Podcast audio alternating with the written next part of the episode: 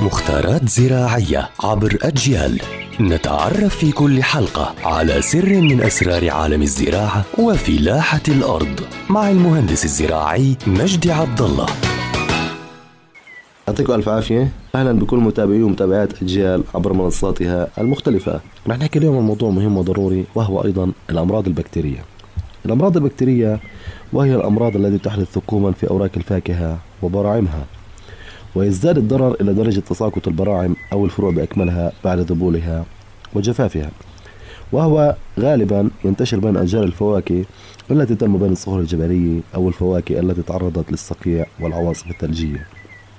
فبنرجع بنحكي وبنقول ضرورة رش المبيدات الفطرية والمبيدات الحشرية وضرورة العناية بالأشجار. حتى لو كانت تزرع في الجبال إنه هاي الأشجار نحوطها؟